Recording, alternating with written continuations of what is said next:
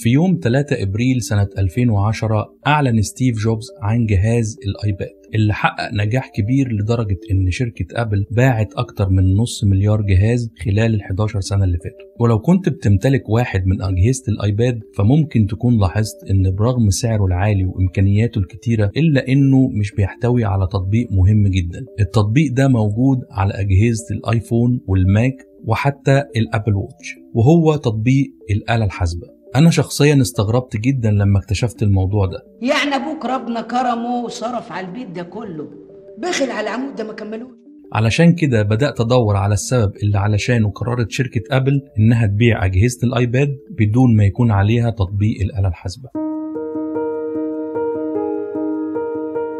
في الفترة اللي كانت شركة أبل بتشتغل على تطوير جهاز الآيباد كان مهندس البرمجيات سكوت فورستال هو اللي بيقود فريق المطورين الخاص ببرمجيات الآيباد. وكان تطوير واجهات الاستخدام واحدة من الحاجات المسؤول عنها. نظام آي أو إس في الآيباد كان بيحتوي وقتها على نسخة أولية من تطبيق الآلة الحاسبة اللي كان عبارة عن نفس النسخة التقليدية اللي موجودة على الآيفون لكن كانت بتظهر بشكل أكبر علشان تغطي المساحة الكبيرة لشاشة الآيباد. ولما اتعرضت النسخة النهائية من نظام آي أو إس للآيباد على ستيف جوبز قبل شهر واحد من الإعلان عن الجهاز ستيف جوبز طلب فورستل وقال له تصميم الآلة الحاسبة كارثي. فين التصميم الجديد؟ الأخ فورستل قال له بين الزراير يا ابني على اليمين هتلاقيه.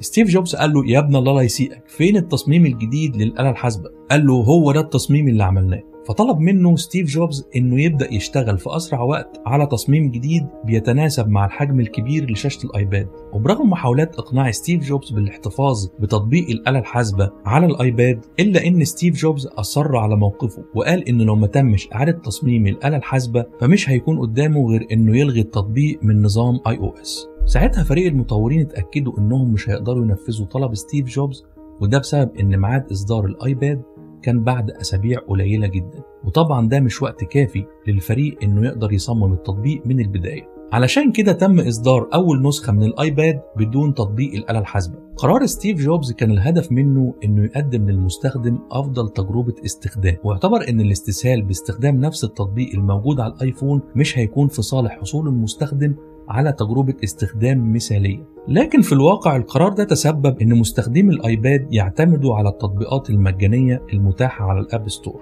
واللي معظمها بيحتوي على إعلانات وتجربة استخدامها تعتبر أسوأ بكتير من اللي كان ممكن يحصل عليه المستخدم لو كان ستيف جوبز وافق على نزول تطبيق الآلة الحاسبة واستمروا في تطويره مع الوقت طوال ال 11 سنة اللي فاتوا لحد ما يوصلوا لتجربة الاستخدام المثالية اللي يستحقها مستخدم أبل من وجهة نظرهم. وعلشان كده أقدر أقول إن أبل وقعت في فخ ال perfectionism وهو الفخ اللي بيقع فيه الناس اللي بتبحث عن الكمال في أي عمل بيعملوه وبالتالي بيتأخروا في إنجاز العمل ده. ولما التأخير بيزيد عن الحد ممكن حد تاني يتطوع علشان يقوم بالعمل ده بدلهم وده اللي حصل بالفعل في بداية شهر يونيو اللي فات وقبل مؤتمر أبل. في مصمم نشر تصميم بسيط من ابتكاره لتطبيق الآلة الحاسبة. اعتمدت فكرته على وضع التطبيق في مساحة ال control center widget بدل من إنه يكون في شكل تطبيق على ال App Store وعمل تصميم لنفس الفكرة لجهاز الايفون ومش بس كده ده أضاف في التصميم اللي نشره إمكانية إنك لما تعمل hold على رمز الآلة الحاسبة تظهر قدامك اختيارات أداة تحويل العملات والوحدات. من وجهة نظري الفكرة دي هي الأقرب لشركة أبل لأسلوبها في تصميم منتجاتها. فهل من الممكن أن شركة أبل تفاجئنا بتطبيق الفكرة دي